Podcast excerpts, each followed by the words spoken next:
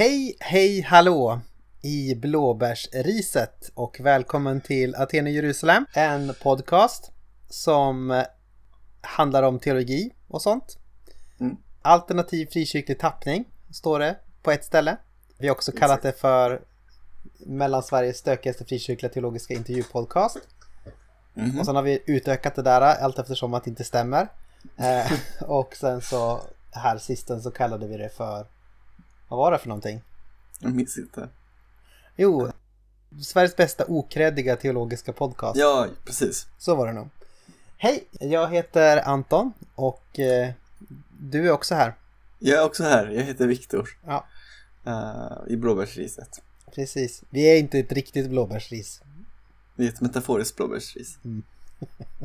Blåbärs, blåbärsriset symboliserar vattnet som vi simmar i. Och vattnet som vi simmar i symboliserar Blåbärsriset. någonting. ja, precis. Exakt.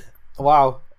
Jag har faktiskt, vi hade också en annan tagline som jag föreslog till Simon en gång som var lite mer så här uh, ironisk. Vill du, vill du ha reda på vilken det var? Alltid. Okej, det här var när det var Anton och Simon som gjorde det bara. Mm. Anton och Simon, två teologiska utbygdsjägare som rör sig i de förrädiska myrmarkerna mellan städerna. Fantastiskt. Det passar väl ändå dig som är lite Ja. Tolkien-fan? Ja, men verkligen. Det är, vi borde ha tagit den. Mm. Vi, får, vi får ta den nu. Ja. Fortfarande bara Anton och Simon. Eh, Förvirrande bara, för, för... bara för att förvirra, precis. eh, jag skulle också... Som blåbärsriset. Eh, Om det är så att vi har nytillkomna lyssnare ska vi säga att eh, vi vanligtvis inte har såna här stora scoop som vi har när vi hade Josefin Follsten utan Ja. vanligtvis är det bara att vi ja, att vi intervjuar någon och att vi pratar ganska mycket teologi och sådär. ja, precis. Ja. Precis. Så att ni inte blir besvikna. Exakt. Eller så blir ni jättenöjda. Det här var ganska lite scoopigt kanske. Det är dagens avsnitt. Ja, Det beror på hur man ser det. Det är mer forskning Ja. och så här så att det kanske inte är scoop på det sättet. Oh, ja, men eh, eh, hur mår du? Jag mår bra. Jag är trött. Mm. Själv? Jo, men tack, det är bra. Det Mm. är väl också lite trött. Mm. Är jag ändå. Men jag kunde sova lite grann på soffan medan mitt barn höll på med mitt äldsta barn höll på med Duplo. Ja, kul. Nej, men jag tänkte säga att du är ändå förälder så då måste man väl vara trött. Står i föräldrakontraktet. Det ingår på något sätt att man ska klaga på det så här. Jo men Mm. tack, jo det är bra men lite trött och sådär. Mm, kan man säga. Exakt. Och så ska man se lite, lite slok, slokig ut. Precis. Har du någonting du har tänkt på på sista tiden? Ja, men sen vi pratade sist så har jag, finns det, du pratade ju om hur så här äh, robotkassörer suger. Mhm. Ehm, för, framförallt för arbetaren då, eller för människan. Jag suger. Exakt. Ehm, Alltså vi men- pratar om automatiska kassar här eller, man, Ja, eller ja. Själv, självskanningskassar. ja, precis. Mm. Self-checkout. Mm. Men det är ju egentligen bara ett steg på vägen till framtida utopin av eh, robokommunism. Ja, du menar den här, du tänker på den här uh, fully automated luxury communism. Exakt. Exakt. Ja. Nej, men jag, jag, jag tillhör ju inte teknikoptimisterna då som eh, vurmar för sånt. Det förklarar en del faktiskt. Är du, du, du är väl kanske lite mer teknikoptimist, du är ju naturare. Ja, alltså, ja, jag är teknikoptimist är jag. Ehm, eller ja, jag är rädd att kapitalismen kommer förstöra tekniken också. Eller liksom så.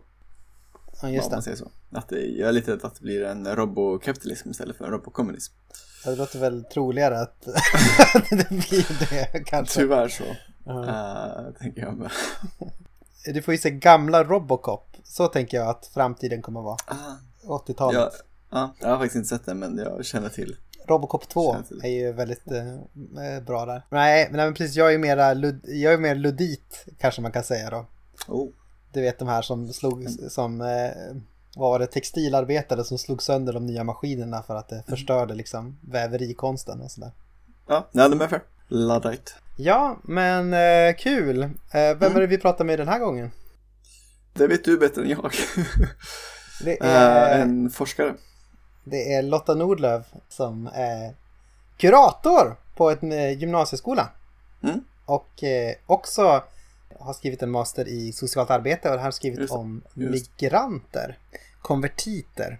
människor som har kanske haft en muslimsk tro men sen Mm. har konverterat till ja, företrädesvis då kristendomen och Mm. hur de behandlas av Migrationsverket. Mm. Hur, eh, hur de misstros och sådär. Det här är ju, hon har då granskat eh, fall där konvertiten inte ansetts av Migrationsverket att ha en genuin kristen tro. Och det har sedan liksom överklagats till Migrationsdomstolen. Mm. Och det här är liksom material från då migrations, eh, Migrationsdomstolen. Och eh, det hon Mm. granskar är då Migrationsverkets underlag som det ser ut när det förs till Migrationsdomstolen. Ja, just det. Deras motivering. Liksom. Precis. Mm. Kan man säga egentligen hela förarbetet liksom. Och sådär. Mm. Mm. Mm. Så det, det är vad det handlar om. Det är spännande Verkligen. att se. Även hur det, hur det här äh, hanteras av äh, Migrationsverket. Så. Mm. Mm. Så det ska vi prata om. Jag kommer, det kommer vara en liten, jag tror att jag kan länka till liksom uppsatsen i avsnittsbeskrivningen så kan man gå och kolla på den om man har lust. Det var ju toppen. Den eh, bör läsas, tycker jag. Eller se någon. Eller lyssna på det här avsnittet. Börja med det. Du, du, du, du. Tack så mycket. Då, ja.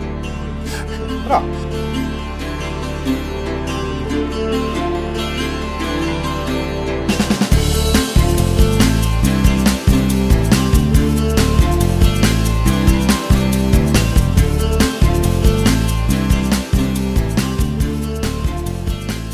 Hej Lotta! Varmt välkommen till Aten och Jerusalem. Vad kul att du kunde hitta hit.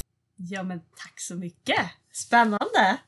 Ja, spännande. Är det första eh, podcasten du blir intervjuad i? Det är ju det! Jag är inte så mycket för att eh, prata i podcasts, har jag insett. Alltså, Det här blir premiär för mig. är det att du inte vill eller är det att du inte kan?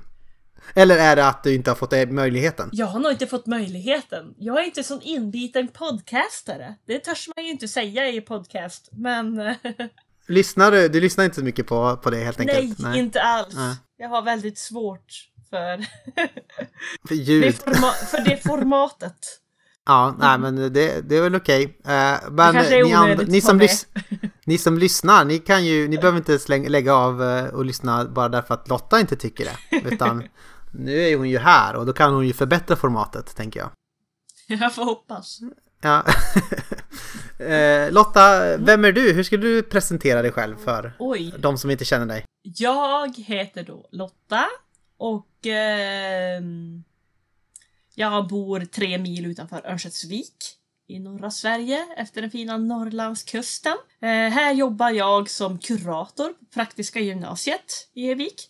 Jag har ett stort intresse för socialt arbete överlag och eh, min högsta avslutade utbildning är ju en master i socialt arbete. Just det. Det är lite den professionella jag. Mm. Vem är den eh, oprofessionella du då? Den oprofessionella jag är, är gift med min make Johan. Mm. Jag Känner honom. är... Du har, du har lite koll på honom, ja. Ja. Ehm, jag tycker också att eh, det här med djur och natur är väldigt intressant. Uppvuxen på ett jordbruk. Vilket har gjort att man har med sig det här kärleken till skogen, kärleken till djur och lantbruket. Det har jag liksom med mig i modersmjölken.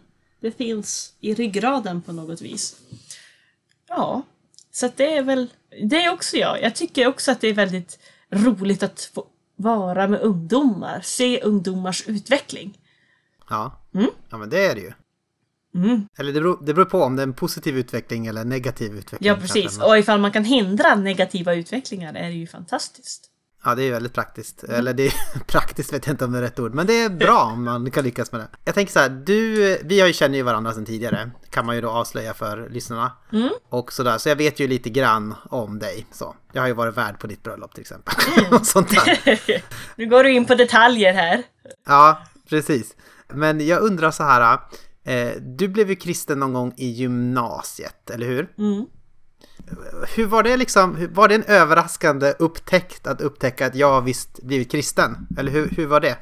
Ja, det det var ju verkligen någonting som jag aldrig trodde skulle hända. Eh, jag var ju ganska övertygad om att allt med religion och så här, det, att det var ett hittepå. Att det inte var någonting som var på riktigt, utan det är någonting som har förts över från generation till generation. Inte att det fanns något eget val, utan att det var en förväntning som fanns på människor och därmed fortsatte som en slags tradition. Ja. Eh, så det jobbigaste i allt det här var nog ändå att komma ut som kristen när jag tidigare har varit den som har varit drivande i frågor kring eh, att prata om tro som någonting negativt. Att prata om det som en slags hjärntvätt och att den kristna kulturen, om man ska säga, uttrycka det på det viset, ehm, att det var någonting dåligt. Att då komma ut som kristen var inte det lättaste. Det kan jag tänka mig. Mm. Du var med i någon sån här bibelbränningsceremoni någon gång, eller hur? På, på, Nej, på det var jag faktiskt inte. Men jag hade, eh, jag hade en vän som Mm. umgicks i sånt, i sådana kretsar. Så jag visste det att när gideoniterna kom och delade ut biblar, Nya Testamentet, så var det den här kompisen då och några av hennes kompisar från bygden, från hennes hembygd, Mm. som eh, valde att bränna upp biblarna. Just det. Och varför det var så, det, det vet jag än idag inte vad det handlade om. Men det kanske ansågs vara tufft. Ja, men jo, det kan jag tänka mig att det, att det gör. Mm. Eh, så. Det är ju, En rebellisk sida. Ja, att man ja, visar sig lite på styva linan på något sätt. Så vi, vi kommer ju prata lite grann om ditt professionella jag nu då. Kanske framförallt om din masteruppsats i socialt arbete som heter Att misstro de troende, Migrationsverket, konvertiter och genuin religiös övertygelse. Det här arbetet är eh, tillägnat en resa. Eh, Kan du berätta lite grann hur det kommer sig? Ja, Resa är ju då en vän till mig. Eh, en ung man från Afghanistan som jag fick lära känna genom vår församling. Genom eh, mina bröder och systrar i vår församling eh, så fick Resa lära känna Jesus och eh, valde därefter att bli kristen. Det är den korta historien. Han kom till Sverige runt 2015 nu- när vi hade stort tryck av asylsökande i Sverige. Eh, eftersom han inte kunde bo kvar i sitt hemland. Och eh, hans första ansökan handlade ju inte om, om tro, om konversion på det viset. Utan det handlade ju om en hotbild som han hade med sig hemifrån. Men däremot under den här tiden som första beslutet eh, utreddes av Migrationsverket så valde Resa att faktiskt ta emot Jesus. Och det här var ju inte någonting, det är ingenting som man bara gör vind för våg hemma i Afghanistan eller Iran eller många andra eh, muslimska länder. Eller inte ens i Sverige då, om man, man tar din egen exempel som... Nej, det är inte så himla lätt att vara konvertit. Men i Sverige så handlar det mer om det sociala straffet. Det handlar inte så mycket om att eh, du eh, har blivit en hedning och därför ska straffas med döden.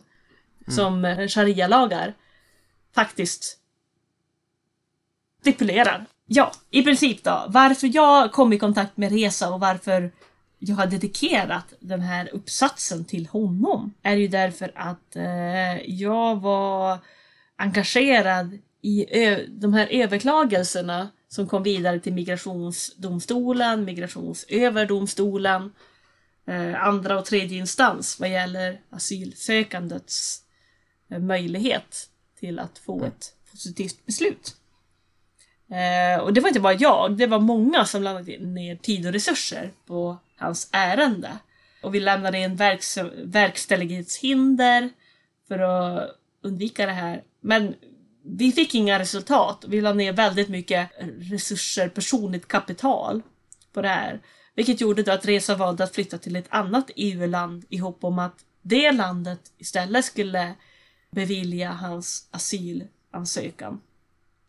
Och när han flyttade så visste vi ju inte om vi Vi vet fortfarande än idag inte om vi någonsin kommer att träffa honom igen, om han kommer att finnas kvar i våra liv eller hur det kommer att fungera.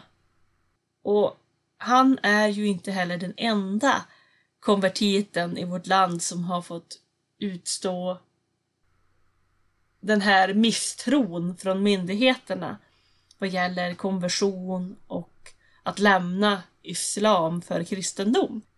Jag har ju i studien fått se många fall. Det här arbetet som jag gjorde var dels för hans skull men också för alla som kommer efter honom. Som ett sätt att eh, faktiskt ge dem någon slags rättvisa. Jag upplever att de inte fick den rättvisa som de eh, är värda mänskliga rättigheters perspektiv. Glädjande nog så fick jag ju bönesvar att Resa nyligen har fått uppehållstillstånd i sitt nya land och jag hoppas och ber verkligen att jag ska få möjlighet att träffa honom igen. Mm. Så det här är liksom på ett sätt tillkomsthistorien till varför du valde just det här ämnet. Men om du skulle liksom sammanfatta också, vad är din, vad är din uppsats ärende? Vad är det du egentligen gör i den? Hur skulle du förklara det? Till en början var det ju miss mycket missnöje över det som jag hade fått bemöta hos myndigheten, hos Migrationsverket och att jag inte höll med i besluten som togs, i, i argumenten som lyftes fram till varför Resa och många andra också får en stämpel av att inte vara genuina i sin tro. Mm. Vilket gjorde att jag började undersöka besluten från Migrationsverket vad gäller konvertitärenden överlag, oavsett om de är från ett muslimskt land eller om de är ifrån ett östeuropeiskt land eller vilket land det nu är. För att se vilka argument som användes av myndig myndigheten vid avslag. Och resultatet blev faktiskt ganska chockande för mig då jag inte hade väntat mig att faktiskt få det tydliga resultat som jag faktiskt fick.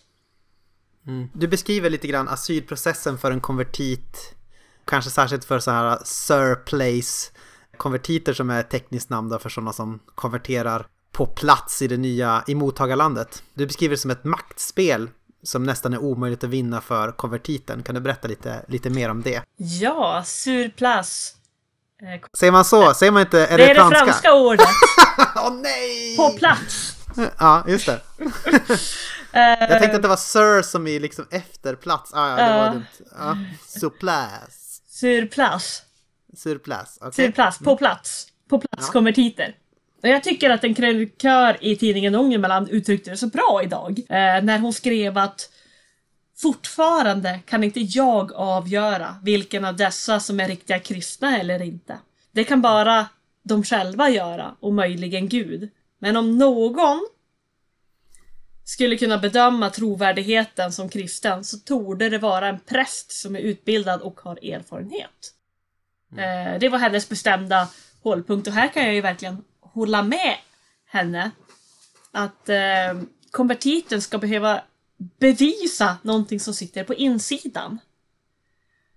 Ska be behöva bevisa ett ställningstagande som inte syns på utsidan. Som inte egentligen går att få ett ID-kort eller någon annan slags registrering. Utan någonting som vi helt enkelt får...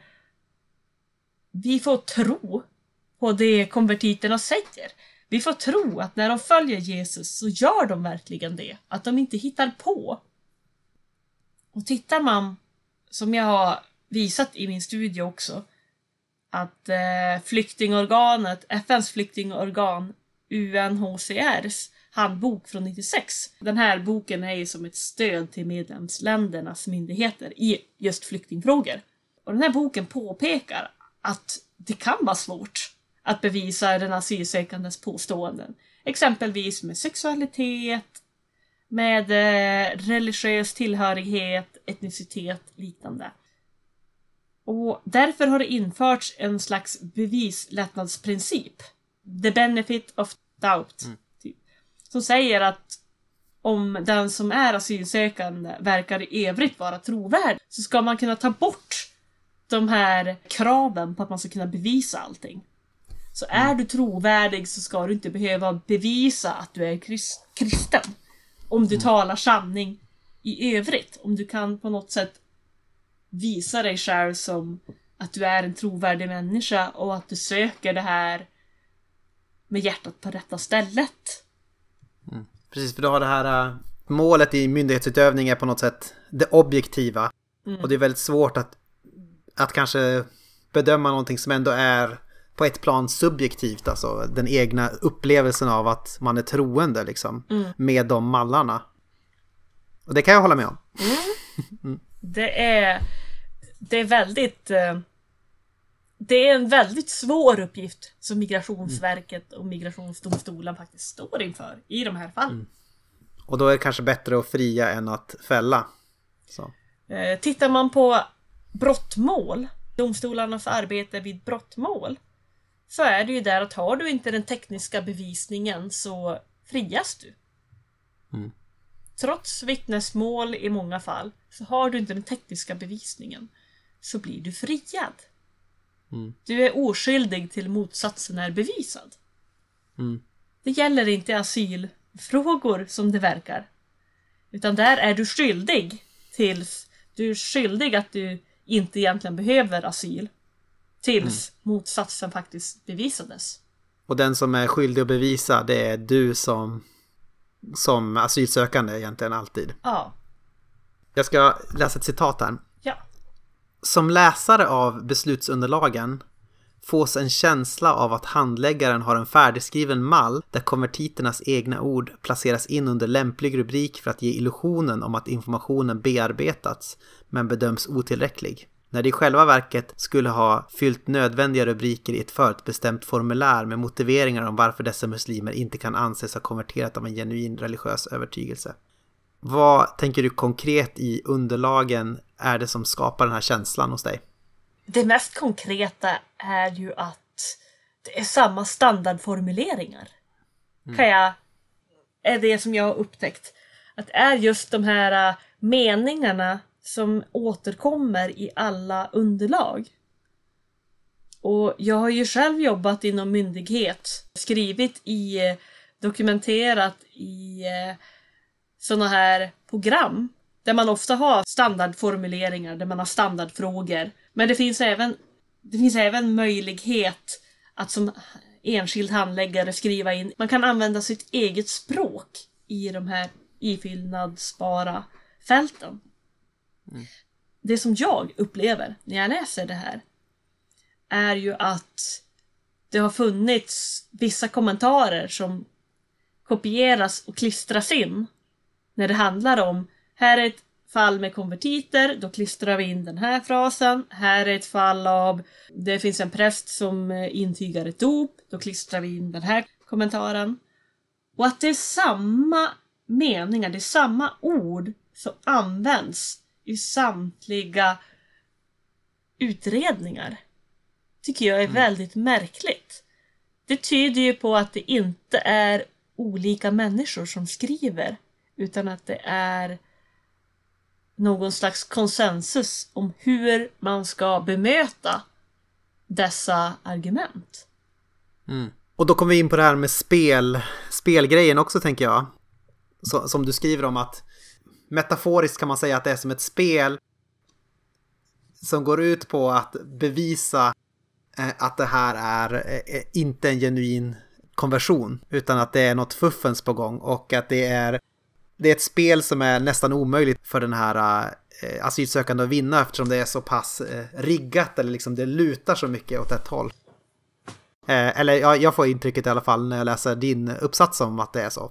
Mm. Utifrån det, nu har jag ju bara undersökt ett år i masteruppsatsen i och med att det finns ett begränsat utrymme. Men för framtida studier och för eh, fortsatt forskning inom ämnet så kommer man ju gå igenom flera år och se om det här har ändrats eller om det är kvar.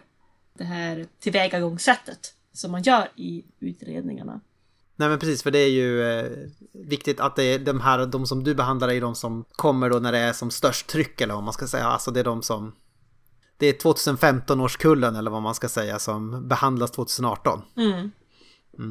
Precis. Jag, jag kan känna liksom när jag gick igenom det här Och även när jag diskuterade tillsammans med min otroligt kompetenta handledare och universitetslektor som hjälpte mig i den här uppsatsen att, att det råder en slags misstro mot kyrkliga verksamheter överlag.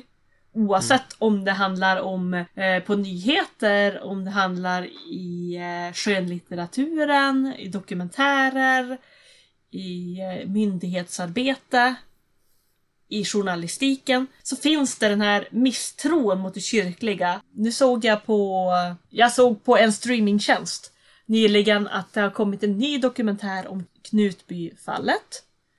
Eh, som också är en sån här grej som det liksom kittlar i människor att det som ska vara rätt, det som ska vara okej, det som ska vara fläckfritt, kyrkan, också har sina mörka sidor och därför vill man gärna fördjupa sig i det. Man vill mjölka ut det här konceptet så mycket som möjligt. Vilket också skapar den här misstron mot alla kyrkor som gör bra. Vi har en väldigt stor frikyrkorörelse i Sverige där var tjugonde svensk är faktiskt medlem i en frikyrkoförsamling. Många gånger kan det låta i sociala medier och liknande att det är nästan ingen i Sverige som tror på Gud. Vi är världens mest sekulariserade land. Men jag tror att den här misstron mot kyrkliga verksamheter överlag också smittar av sig till asylsökande konvertiter. Mm. Just det. Man ser dem på något sätt med, misstank med en misstänksam blick. För att de också är associerade med, med en kyrka som man misstror. Ja, det, det är min övertygelse i det här. Eller det är vad jag tror. Vad tror du att Migrationsverket har liksom för idealbild av vad en genuint troende är i sina kollektiva huvuden? Eh, och varför passar inte liksom de här muslimska konvertiterna som du har undersökt in i den? Det är en svår fråga tycker jag. Och jag vet faktiskt inte riktigt vad jag ska tro om den stereotypiska bilden eh, som handläggare på myndigheten faktiskt har. Eller skulle kunna ha. Men om jag bara utgår ifrån de frågor som jag har sett ställs i intervjuer till konvertiter. Och det här kan man titta själv. Exempel finns på sidan är jag kristen.nu. Eh, där kan man få väldigt många konkreta exempel på djupa teologiska frågor som har ställts till konvertiter. Som kristna som har varit i kyrkan i 30-40 år inte har svaret för. Många av de här frågorna är också riktade direkt till katolska kyrkan när vi pratar om olika sakrament och liknande som är någonting som vi kanske inte i daglig, dagligt tal pratar om i frikyrkan på samma sätt. Nej, precis. Så att det, så, vad, vad, så bilden är på något sätt någon, att det är en huvud, en grej som sker i huvudet eller ska man säga så? Att man tillägnar sig en viss kunskap typ. Ja, att det känns som ett väldigt intellektuellt beslut. Mm. Skulle man kunna säga det som en politisk ideologi? Att jag har undersökt och sen på något sätt känner att ja, men det här håller jag med om och därför följer jag det. Och då upplever jag ju inte att religion är samma sak som en politisk ideologi. Och när det kommer till politiska ideologier så finns det också väldigt mycket att man bara, att man sugs med en ström, en, en social grupp, att mina föräldrar röstar på sossarna, jag röstar också på sossarna eller motsvarande liksom. Eh, inte, nödvändigtvis, inte nödvändigtvis att man är så superreflekterad över sin ideologi he- heller ens. Precis, har man inte intresset så kanske man bara, som du säger, hänger med. Tidigare generationer. Man har ärvt sin ideologi. Det jag trodde innan jag själv kom med i ett kristet sammanhang var ju just det att den religiösa tron är någonting som vi ärver. Det är någonting som vi tar med oss. Ju mer jag har jobbat med ungdomar från kristna fami- familjer har jag också insett det att den unga, måste, den unga personen måste ju ta det här beslutet själv. Föräldrarna kan inte tvinga en ung människa, sitt barn, till att bli kristen. Vilket jag, vilket jag alltid trodde skedde. Men det går inte till på det viset. Så, så vad är liksom religion för Migrationsverket? Tror du? Är det liksom, Mycket teologi, ja, tänker jag. Inte så mycket på känsla på samhörighet och på den här andliga dimensionen. Nej. I och med att också många av våra svenska myndigheter är ju baserad på evidens och den evidensbaserade forskningen. Vilket kan vara ganska svårt när det kommer till andlighet. Det är svårt att forska med evidens på upplevelser av Jesus, upplevelser av den heliga anden, helanden, andra nådegåvor och liknande. Det är, det är svårt komma med bevis. Det finns ju dokumenterade mirakler. Men man kan inte säga på rak arm med den forskning som finns att det här berodde på det här och inte på Gud. Man har inte kunnat Mm. motbevisa Gud, men man har inte heller kunnat bevisa Gud. Och det är väl det som är själva grejen med den här andligheten, att det är inte vi som styr. Det finns någonting mer som vi inte kan som vi inte kan styra. Som vi inte har makten över. Det finns någonting annat i världsordningen. Ja, Men när jag läser din uppsats också så får jag det starkt intrycket av att alltså den bästa liksom konvertiten i Migrationsverkets värld det är någon som har liksom suttit på sin kammare och helt själv liksom kommit fram till att ja men jag kanske ska bli kristen eller något sånt där. De verkar ha väldigt intressanta sakrament.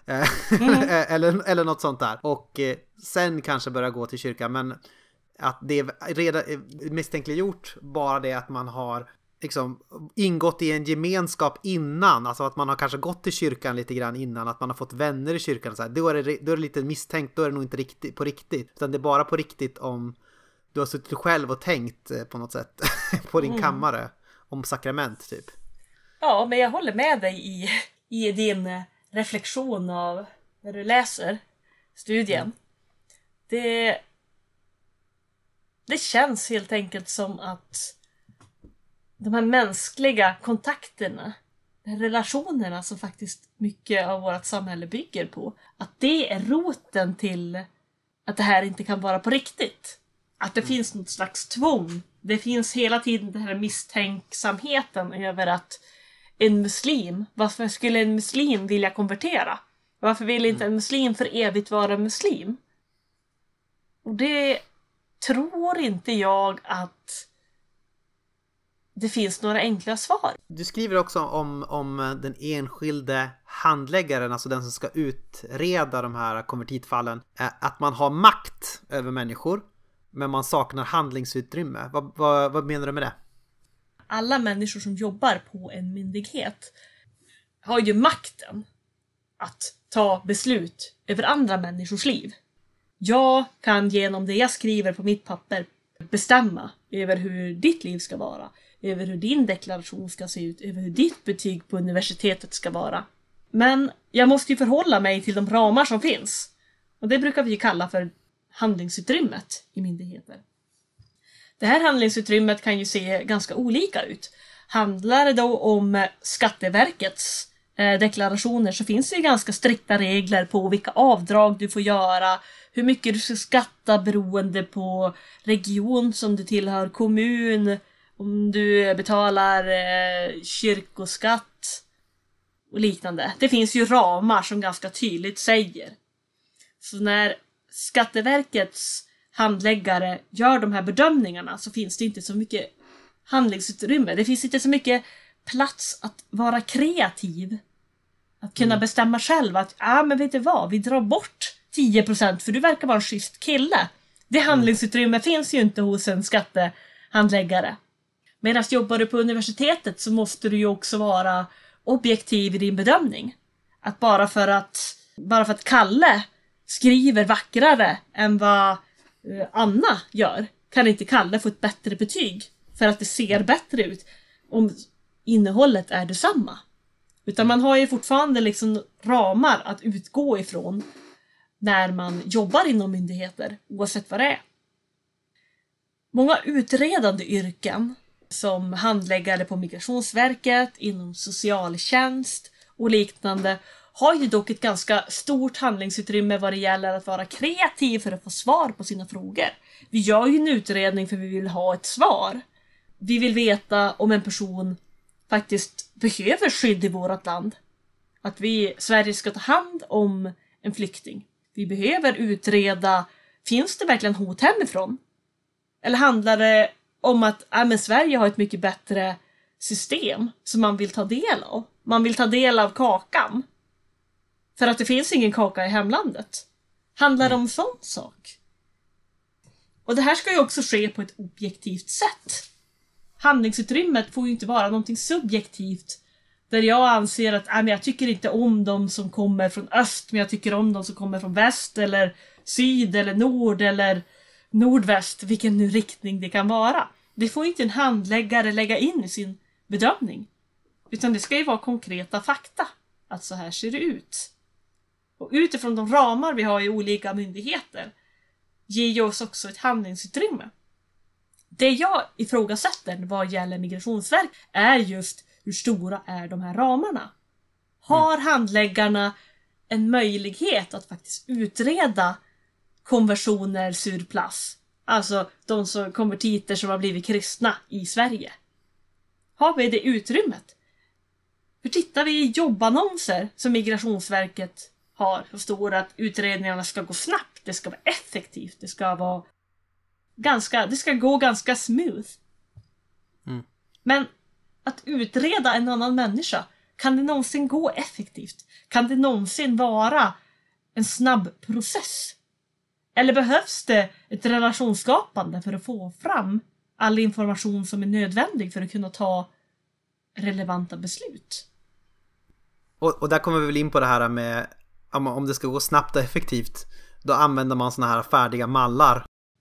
Ja. Och ger liksom en sorts standardavfärdning. Man avfärdar liksom med standardformuleringar istället för att ta reda och försöka liksom bearbeta det på djupet, vad det är som sägs. Men Migrationsöverdomstolen har ju ett av sina utlåtanden, alltså i prejudikatet, det som senare domstolar ska vägledas för.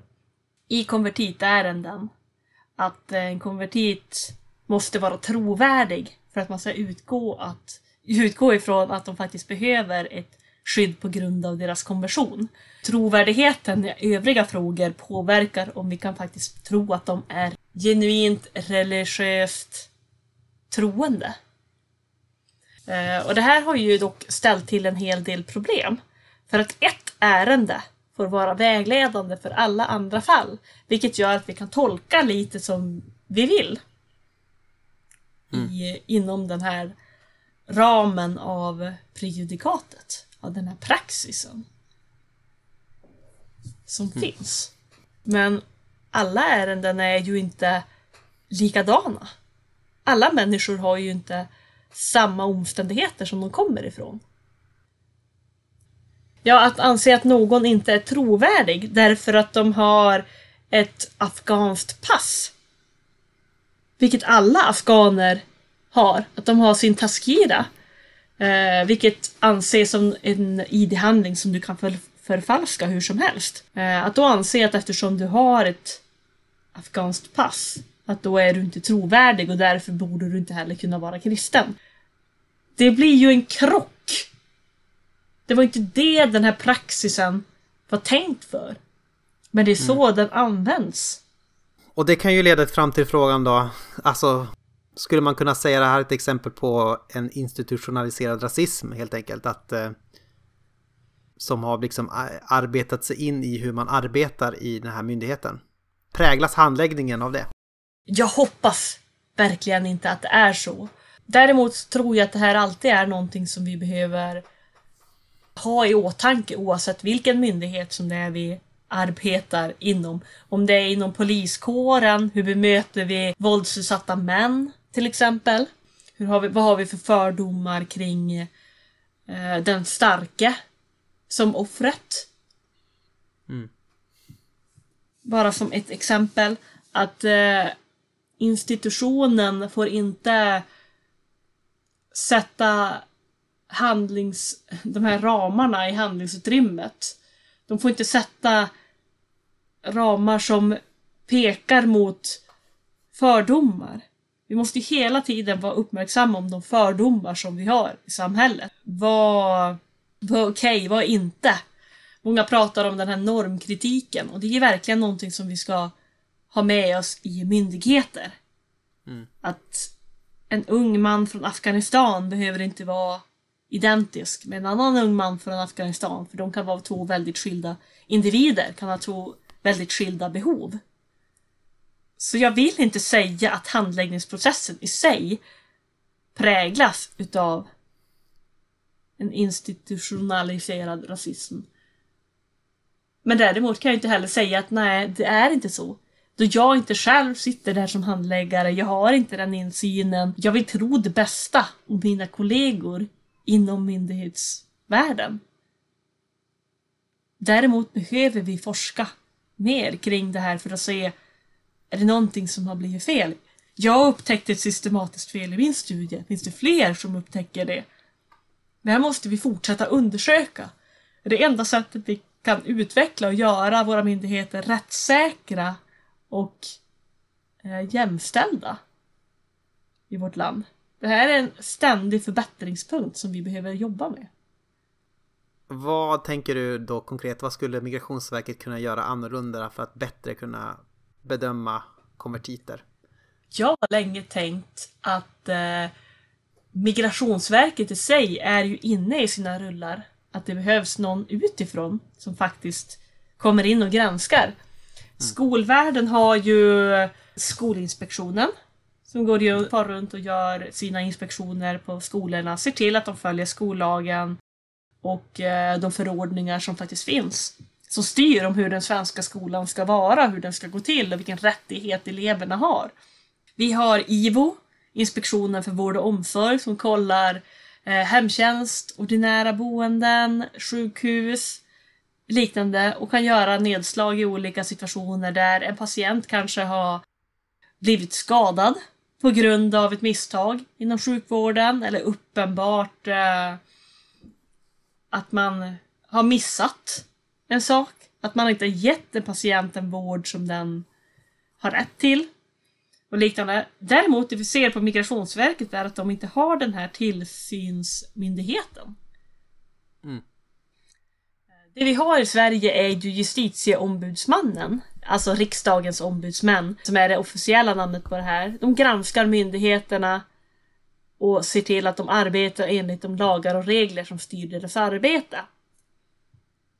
Däremot är det ju ganska en översiktlig granskning som JO gör.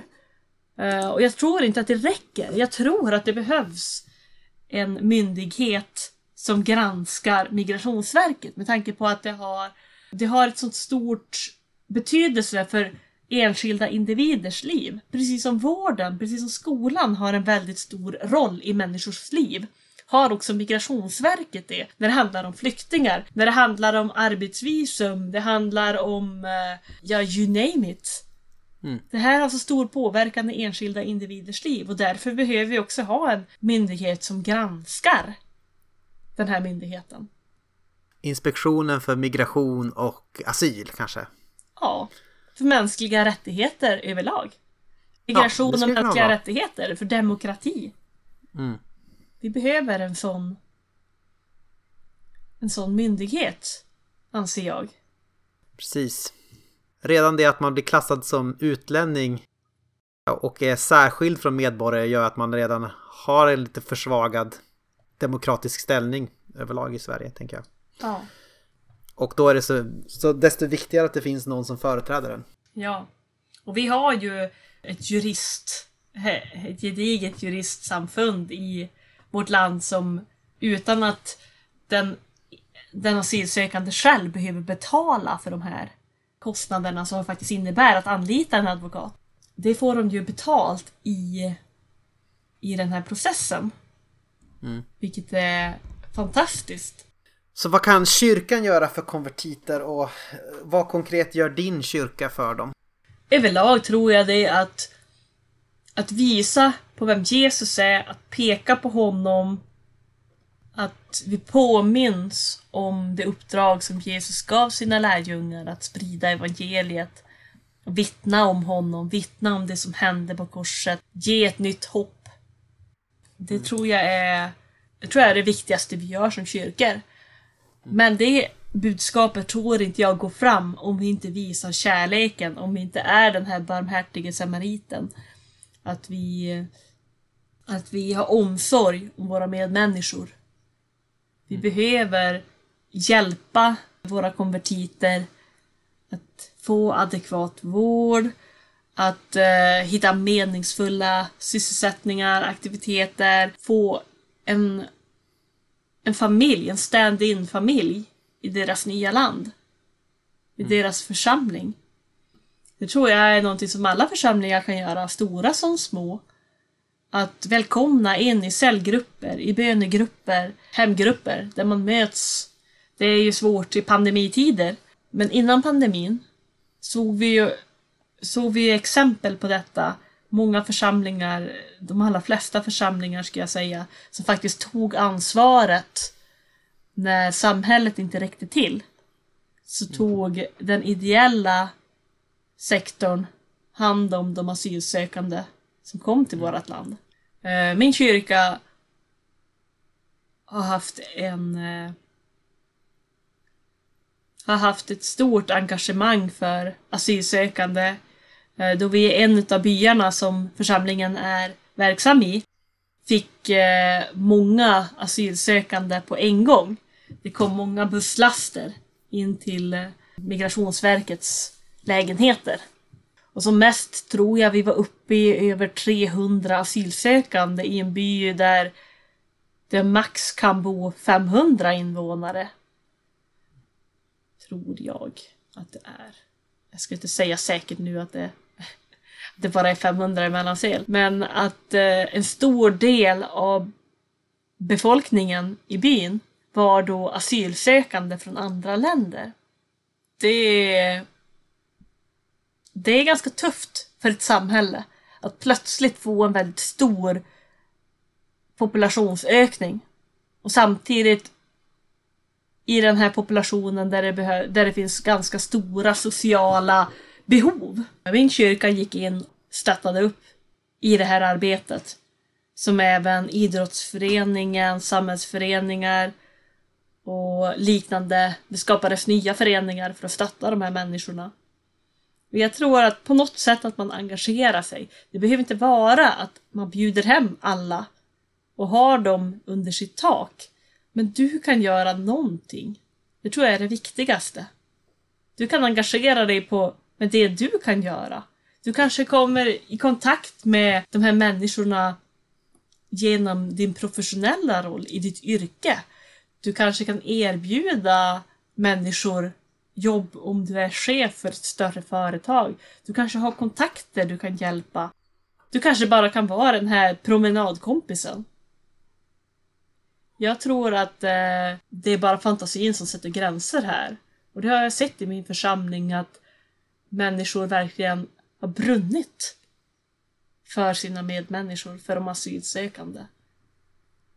Och jag tror att det är viktigt att man tar jag tycker att det är viktigt att man tar tillvara på den här elden som brinner inuti en. Jag tänker också konkret finns det ju, har jag för mig, i den här kyrkan, Framtidskyrkan heter den. Tyvärr. Eh, men eh, jag tror att det till och med finns en, en fond för konvertiter som har blivit utvisade. Vi har sänt ekonomiskt stöd i alla fall.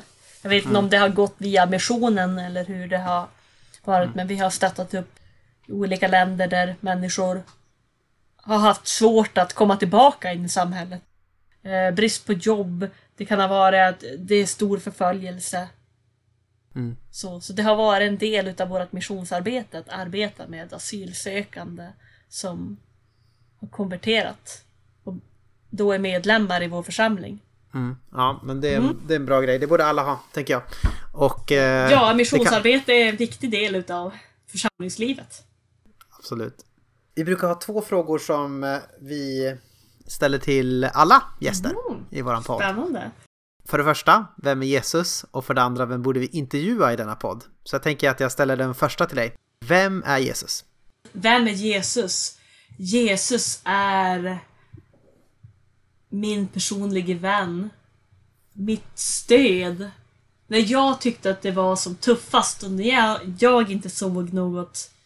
När jag inte såg hur jag skulle klara mig så grep Jesus in. Han hjälpte mig att styra, fortsätta styra båten när jag trodde att allting skulle sjunka. När stormen var som kraftigast var det han som ställde sig upp och sa att nu, nu gör vi det här tillsammans. Jesus är Jesus är min styrka, han är min vän, han är mitt hopp. Och många gånger kan jag titta runt omkring mig och undra alla människor jag har runt om mig som inte har mött Jesus, att hur klarar ni er? Hur, hur, hur kan man... Var får man sitt hopp ifrån? Jag vet ju att med Jesus så kommer det ordna sig. På ett eller annat sätt har jag ett löfte om att allt ordnar sig. Att jag kan vara orolig och jag kan vara rädd, men jag har Jesus med mig. Men om man inte har Jesus, vad sätter man sitt hopp till då? Vad får ångesten att lägga sig då? Ja. Bra svarat. Yes, vem borde vi intervjua i denna podd? Ja. Det finns så många intressanta människor som som borde få komma fram och prata i en sån här podd. Jag tänker att det vore intressant att få höra de här unga människorna som flyttar tillbaka till sina hemorter, hemvändarna.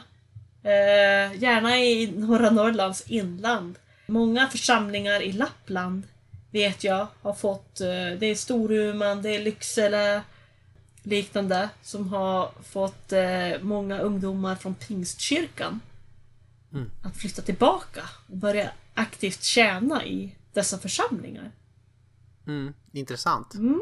Det skulle jag vilja höra mer om arbetet i Norrlands inland. Kanske även andra personer som har flyttat ifrån de större städerna för att åka tillbaka till mindre orter. Kanske i området där de växte upp. För att se hur de väljer att tjäna Gud, tjäna medmänniskor någon annanstans än i städerna. Mm. Det låter bra. Mm. Vi är ju en ruralistpodd på det sättet att vi gillar landsbygd. Ja. ja, men det är fantastiskt. När jag har varit på eh, Lapplandsveckan, konferensen där, och vi hade unga vuxna mingel vid ett tillfälle där vi fick möta många som var mellan 20 och 30 år ungefär. Som kanske hade stadgat sig, hade utbildat sig färdigt och faktiskt flyttade tillbaka till sina hemorter. Mm. Och jag tyckte att det var så fantastiskt. Jag bor ju själv kvar på hemorten, så att säga. Jag har inte flyttat till någon större stad, flyttat ifrån landsbygden. Jag, jag bor i allra högsta grad kvar på landsbygden och ser ju att det är en stor bostadsbrist på landsbygden. Det är många unga som söker sig bort från det här stressiga, det här liksom våldsamma som finns i stan. Man vill ut till lugnet, man vill tillbaka till skapelsen på något vis. Det skulle jag vilja höra mer om, dessa unga människor. Ja, det låter intressant. Mm. Det ska vi kanske kunna skaka fram någon gång. Jajamän. Jag har ordbajsat en hel del känner jag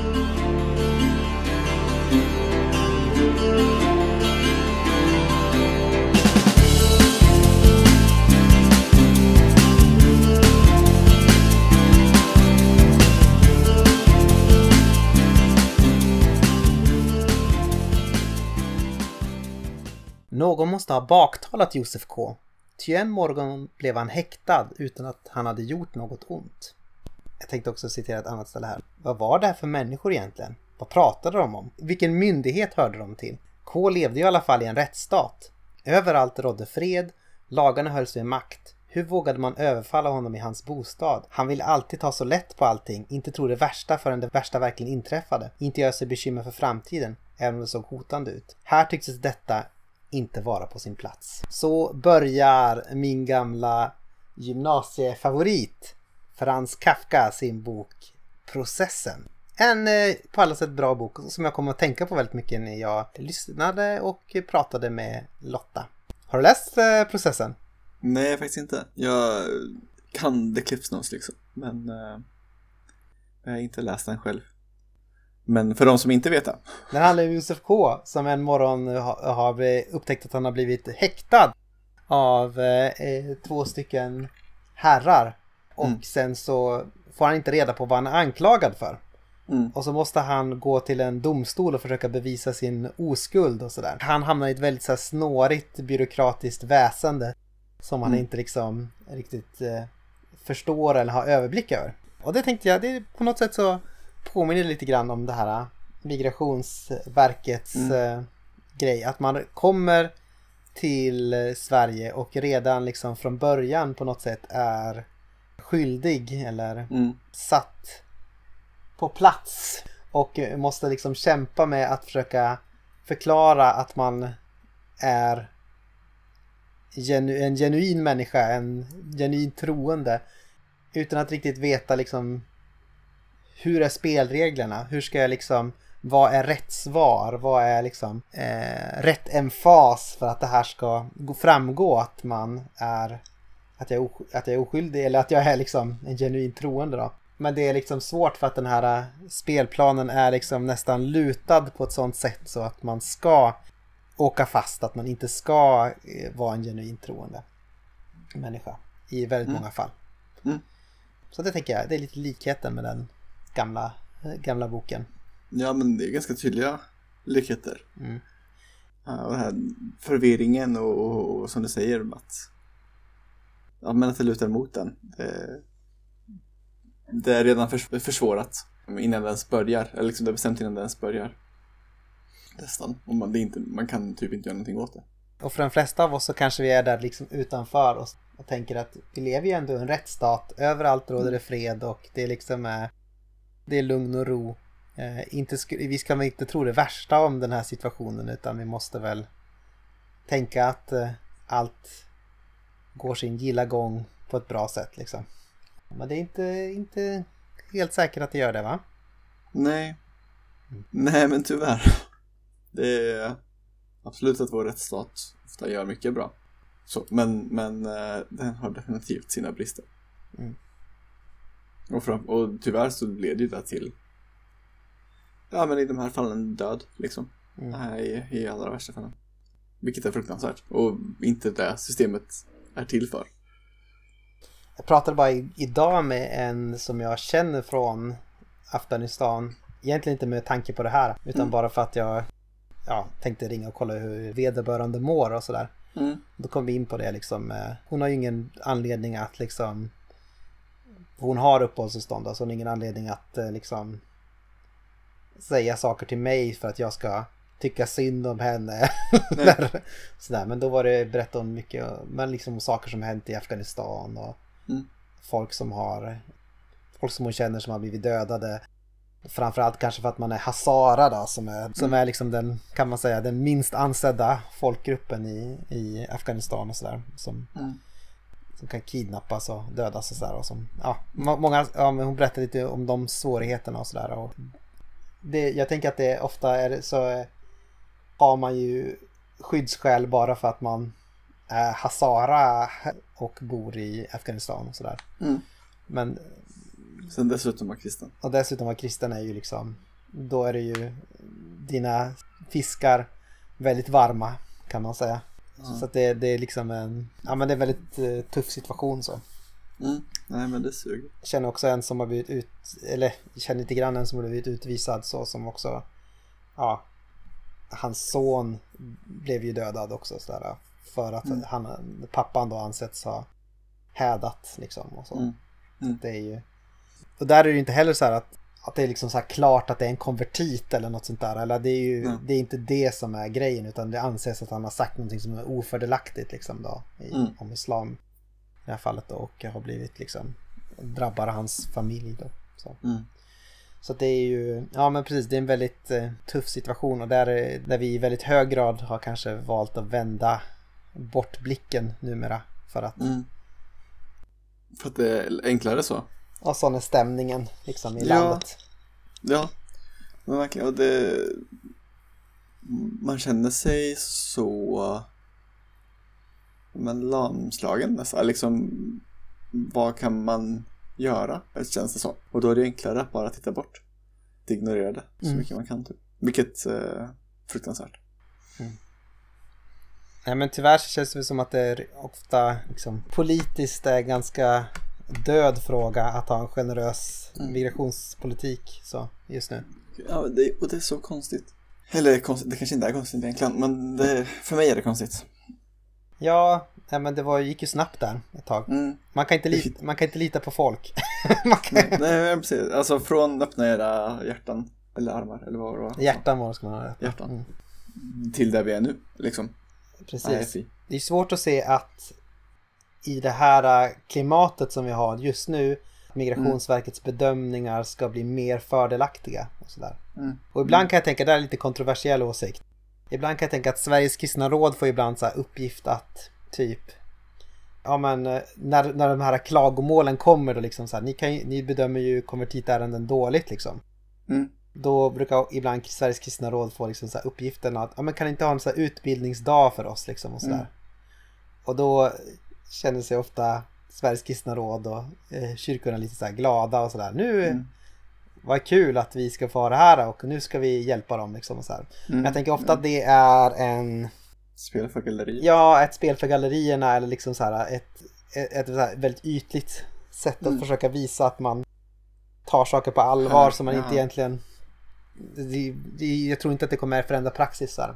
Nej. Och Nej. delvis så har det att göra med det politiska klimatet och dels tänker jag att det har att göra med liksom handled... ja, men det som vi pratade med Lotta, liksom handledningsklimatet där. Att det ska gå Friheten. effektivt, det ska vara Mm. snabbt och sådär. Då kan man ju inte sätta sig in i ett fall ordentligt. Eller liksom så. Ofta är det ju väldigt så här, eh, sjuan, sjuan nivå på religionskunskaperna också. Och sådär, Mm. Som är liksom lite o, o, oklart. Ja, nej men verkligen. Mm. Eller dels kunskap och religionskunskap men också det krävs också typ teologidoktorskunskap av konvertiterna. Precis. Liksom. Men det är också nackdelen att de som ställer teologidoktorfrågor Mm. ofta har liksom sjuans nivå av, Mm, på ja, kunskap. det, det är faktiskt en nackdel. Eh, Jag, tror- jag, tror, jag tror att hennes förslag eller slutsats om att ha någon form av koll ut, eller någon, någon som kollar utifrån kan till exempel vara ett bra steg.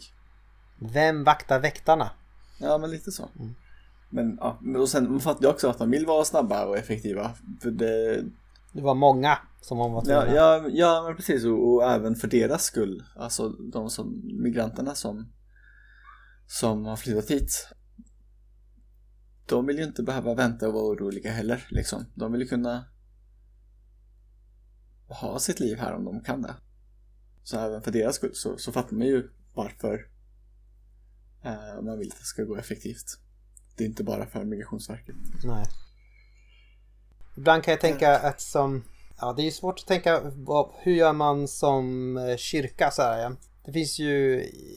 Vi nämnde lite kort att den här församlingen har ju till exempel så här att man stödjer, att man ger visst ekonomiskt stöd till medlemmar i församlingen som har blivit utvisade och sådär. Att man liksom Mm. försöker hålla igång solidariteten och sådär. Det finns ju Mm. såklart det här att gömma flyktingar Mm. eh, är ju en ganska tuff och krävande process numera för man har gjort det svårare också. Det liksom avskrivs ju inte lika snabbt ärendena på migra- från Migrationsverket så det har blivit en, det har blivit en jobbigare process för alla att, eh, Att, att, gömma. att gömma. Precis. För hur man, så? Eller jag fattar inte. ja, men man, det, det, om man tänker så här, förr så kanske det var, säg fyra år som man var tvungen att gömma sig i ett Mm. vanligt fall. Mhm. För att man skulle kunna, för att det fallet skulle avskrivas. Så fick man börja om. Men jag tror att det är mycket längre nu, att man har liksom förlängt det. Vad innebär avskrivas? Alltså att man då läggs fallet ner, eller vad man ska säga, efter fyra år. Mm.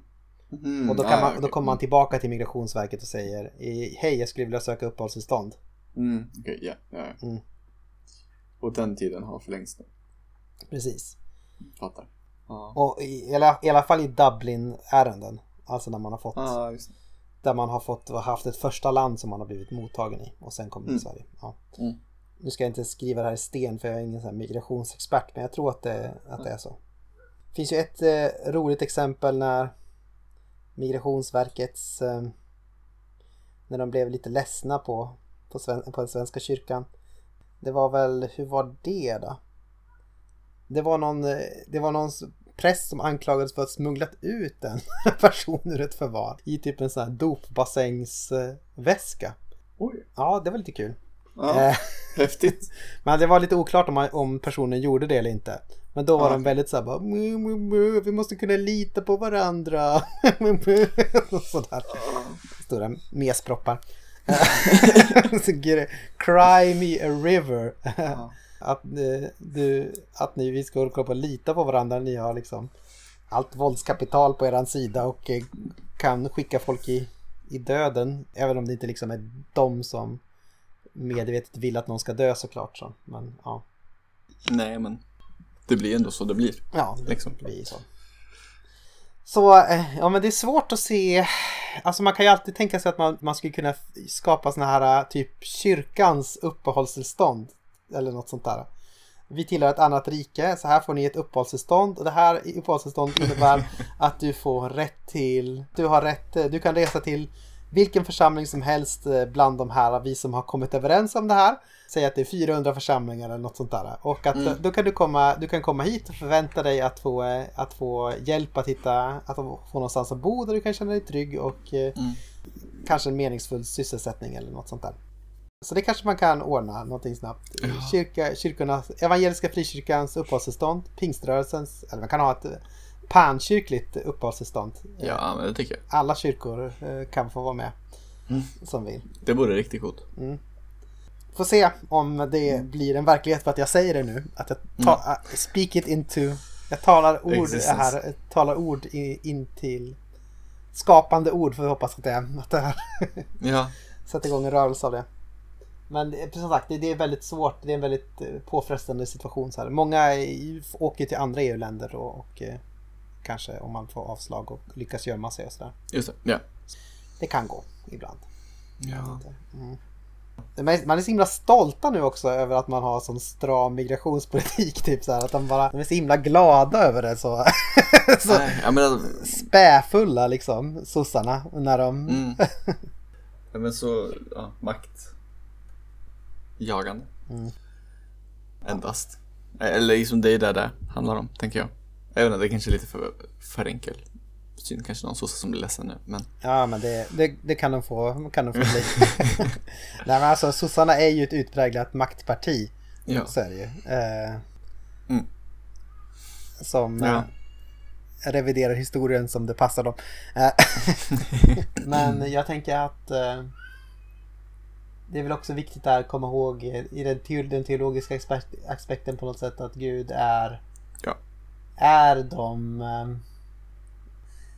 eh, invandraren, invandraren fattige och en, nej, hur är det? Det är den fad, Faderlösa. faderlösa änkan och invandrarens gud liksom. Att det är Ja. en sanning som är liksom, upprepas i skrifterna från början och eh, till slut. Mm. Gud är den som ser till så att det kommer en massinvandring av hebreer till Egypten. Eller det blir så småningom men det blir, ett, det blir en massa av det i alla fall. Ja. det är en ganska Precis. liten invandring från början. Och eh, fritar dem från Egyptens slaveri. Mm. En massa utvandring i Ja. alla fall.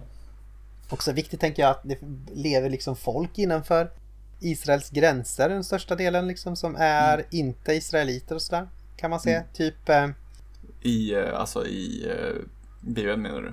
ja, i Bibeln. Ja, eller, typ, eller menar du nu? Ja, ja, Jael tillhör väl eh, ett sånt här allt, ett litet folk som bor innanför Israels gränser liksom i tält. Till exempel. Mm. Du vet Jael som slår ihjäl Sisera i domarboken. Ah, Ja, ah. ja. Mm. Det är inte alla som har koll på det. Eh, Nej. Hetit, hetiten Uria. Batsebas eh, make. Och, Sedermera tragiskt avliden under mystiska omständigheter. Hmm. Men eh, hela bär ut. Ja, absolut. Det är ju en, det är en väldigt intressant fråga där om spänning också i Bibeln, tänker jag. Att i femte Mosebok så kan det pratas om i tionde led ska inte en moabit upptas i Herrens församling. Och sen så har det i Rut så liksom Ja, det är mamman till kung David. Ja, eller, exakt. Inte mamman till Inte kung mamman, David, men vad blir det? farmor- Farfar, farmors, farmors mor kanske. Något sånt. Ja. Och det är det här dialogiska i Bibeln, va? att det är liksom ett ord som Sen kommer ett, ett ord till, lite som en dialog på något sätt som böljar Mm. fram och tillbaka. Som leder fram till ordet. Kristus. Mm. Som själv var flykting ett tag. Som var själv flykting ett tag. Som Gud är inte bara någon som lite ovanifrån medlidsamt tänker på flyktingar med lite Nej. tårmilda ögon utan också någon som är i köttet flykting. Har Nej, blivit kallad ut ur Egypten själv. Mm. Mm. Så att det är liksom eh, Det är en berättelse som löper från början och slut i olika vågor och sådär. Hur Gud är ändå invandrarens Gud. Och Ja. eh, vissa skulle säga då bara bla bla bla bla bla bla bla. Det har någonting, någonting, någonting. Det är skillnad på vår tids invandring och sådär. Men då har man ju inte haft ett eh, då låter man inte ordet tala till en i en ny situation utan då eh, bara använder man sin egen tid som ett avfärdigande av, av skriftens eh, ord och Mm. eh, lyfter fram sin egen och sätter sin egen sociologiska kontext som det absolut viktigaste i världen. Nej, men verkligen. Så Ehm, och, ja men precis. Istället för att lyssna. Ta in. Ja. Men eh, Kristus kommer segra. precis. Han kommer att eh, trampa Migrationsverket under sina fötter i, i hans segerrika återkomst. Precis. Och alla, alla de makterna som reser sig mot kunskapen om Kristus kommer att kastas i den brinnande sjön. Halleluja. Amen. Amen. Blod och eld. Nej men eh, är inte de som... Ja, Då menar jag inte då att, eh, det- bara för förtydligande ja, här. ja, nej, men det är bra. bara, bara förtydligande. Ja, Ibland säger min hustru att jag måste förtydliga mig själv. Eh, Och det förtydligandet är väl då att jag inte säger att, att alla som jobbar på Migrationsverket är Människor, nej. onda människor eller förtappade själar eller sådär. Nej. Utan jag tänker snarare tvärtom. Eller jag tänker inte, kanske inte exakt tvärtom, men jag tänker så här att de flesta är fångade i någonting som är mycket större än de själva. Mm. Och de är oftast Som liksom, Eller som... eh, ja. Ja. Och då ofta är de ganska hyggliga människor men de är fasta, fast, de sitter fast under ett välde Mm. som inte är rättfärdigt. Ofta tror jag att de älskar, eller att de kanske inte älskar invandrare men att de inte har någonting emot invandrare, att de inte är Mm. rasister. De är liksom eh, hyggliga själar som tänker att som vi vill göra så gott de kan men de är liksom, de har eh, som vi pratar om i det här med Lotta då, att de har Mm. inte de har makt över människors, li, män, människors liv men de har inte handlingsutrymme. Mm. Vilket ja. Ja men ja. Men precis, och jag håller helt med. Det är ju det är som sagt väldigt, det är makten som både de som jobbar på Migrationsverket och migranterna är fasta under som kommer att slängas i den brinnande sjön. Precis. Och vi hoppas att alla, alla individer i, i Migrationsverket blir räddade. Ja, ja men li- lite så. Och, och, och när vi säger att det är en makt eller ett välde, vi, menar inte att Stefan Löfven kommer slängas i någon brinnande sjö heller. Nej. Också mer- Stefan Löfven är fast i ett, under en Ja. makt och ett välde. Ja men precis. Också Till och med han. till och med Stefan Löfven är en slav. Ja, Så är det. så är det. Det hör ni. Mm.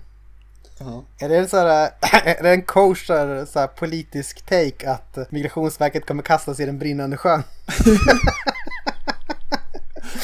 Jag tror ändå att eh, Lotta skulle uttrycka sig mer diplomatiskt än vad vi gjorde här. Ja, nej, precis. Allt som vi säger står för oss och inte för... Lotta, Lotta, Lotta, vi smetar, smeta inte på Lotta att hon sa att Migrationsverket ska kastas i den brinnande sjön. Det står helt för Anton Jonsson. Det är nog inte jätte många som har sagt just den meningen förut tror jag. Nej, det är alldeles för få. Ja, ja. Nej men jag, jag, alltså som kristen så man ju höra mycket om afghanska konvertiter som blir bortskickade och så. Men eh, de är inte de enda migranterna och flyktingarna här. Jag skulle, jag skulle gärna vilja höra mer. Och det är det som är så tråkigt att det inte pratas om i samhället. Mm. Liksom efter 2015. eh, eller efter 2000, Ehm, Något 2000 i alla fall. Precis. Vad som faktiskt händer. För man tittar bort liksom. Det är så fruktansvärt. Nej men det är ju så här, när det känns hopplöst så är det ju väldigt lätt att inte bara, ja men jag orkar inte med det här och Mm. låt oss, jag orkar inte tänka på det liksom. Mm. För att det liksom känns som att det är så dött att det skulle kunna bli annorlunda just nu. Men å andra sidan, eh, eftersom saker svängde så snabbt eh, från en sak till en annan 2014, 15, 16 Mm. så kan det ju svänga snabbt igen. Hoppas det. Till det värre. Nej. oh no. Plot twist. Nej. Min flickvän kommer jobba på asylbyrån i sommar. Mm. Eh, Eller volontära. Så jag kanske vill höra lite mer då. Kan Hon får, återkomma eh, i podden. Hon får ett handhjärta av mig här. Ja, jag, jag, ska skicka det vidare till henne. Provocerar vi alla med våra handhjärtan här. Kommer du ihåg det? Det var töntigt. Nej men tack så mycket Lotta. Det kan jag ju också Tack. nämna så här att eh, Lotta är Det kanske framgick så här, men Lotta är ju en av mina närmsta vänner i Norrland. Ja. Tillsammans med sin man Johan. Så, som jag har känt sedan dagis. Lotta från Norrland. Lotta från Norrland, ja jag vet, förlåt. Men alltså för att folk ska fatta, folk fattar inte när man säger Örnsköldsvik eller något sånt där. Man måste typ säga Norrland. Ja. Eh, det är så illa. Arnersjö Ja, kommer man ifrån. Ja, men tack för det här avsnittet. Tack så Tack, mycket. för, tack, för, tack till er som lyssnade. Ja. Vi finns där vi brukar finnas. Mm. Facebook, Instagram, Patreon, Gmail. Aten och Jerusalem at gmail.com. Precis, där kan man skicka. Mm. Det vore kul. Skicka ett mail. Precis. Säg något om. Vad tycker du om robokommunism? Exakt, exakt. Du för in en sån, du för in en sån det. härlig, eh, härlig energi i det här eh, podden. Viktor. Jag känner, vad bra. En väldigt härlig robokommunism-energi. I try. Mm. Ja. Eller skriv till oss och förklara varför Stefan Löfven inte är en slav. Men Eller det, det är superbibliskt. Det kan ni bara Ja, läsa ja, ja. Romarbrevet 6. Exakt. Ni vet vad jag, vad jag menar. Om ni inte vet så kan ni kolla upp det. Eller är det 5? Oj. Läs både Romarbrevet 5 och 6 för säkerhets skull. Läs hela romabrevet. Eller bibeln. Ja, Ja, lä- på. Läs Bibeln. Mm. Äh, men eh, blod och eld. Frid och kärlek. Och vi ses snart igen. Amen.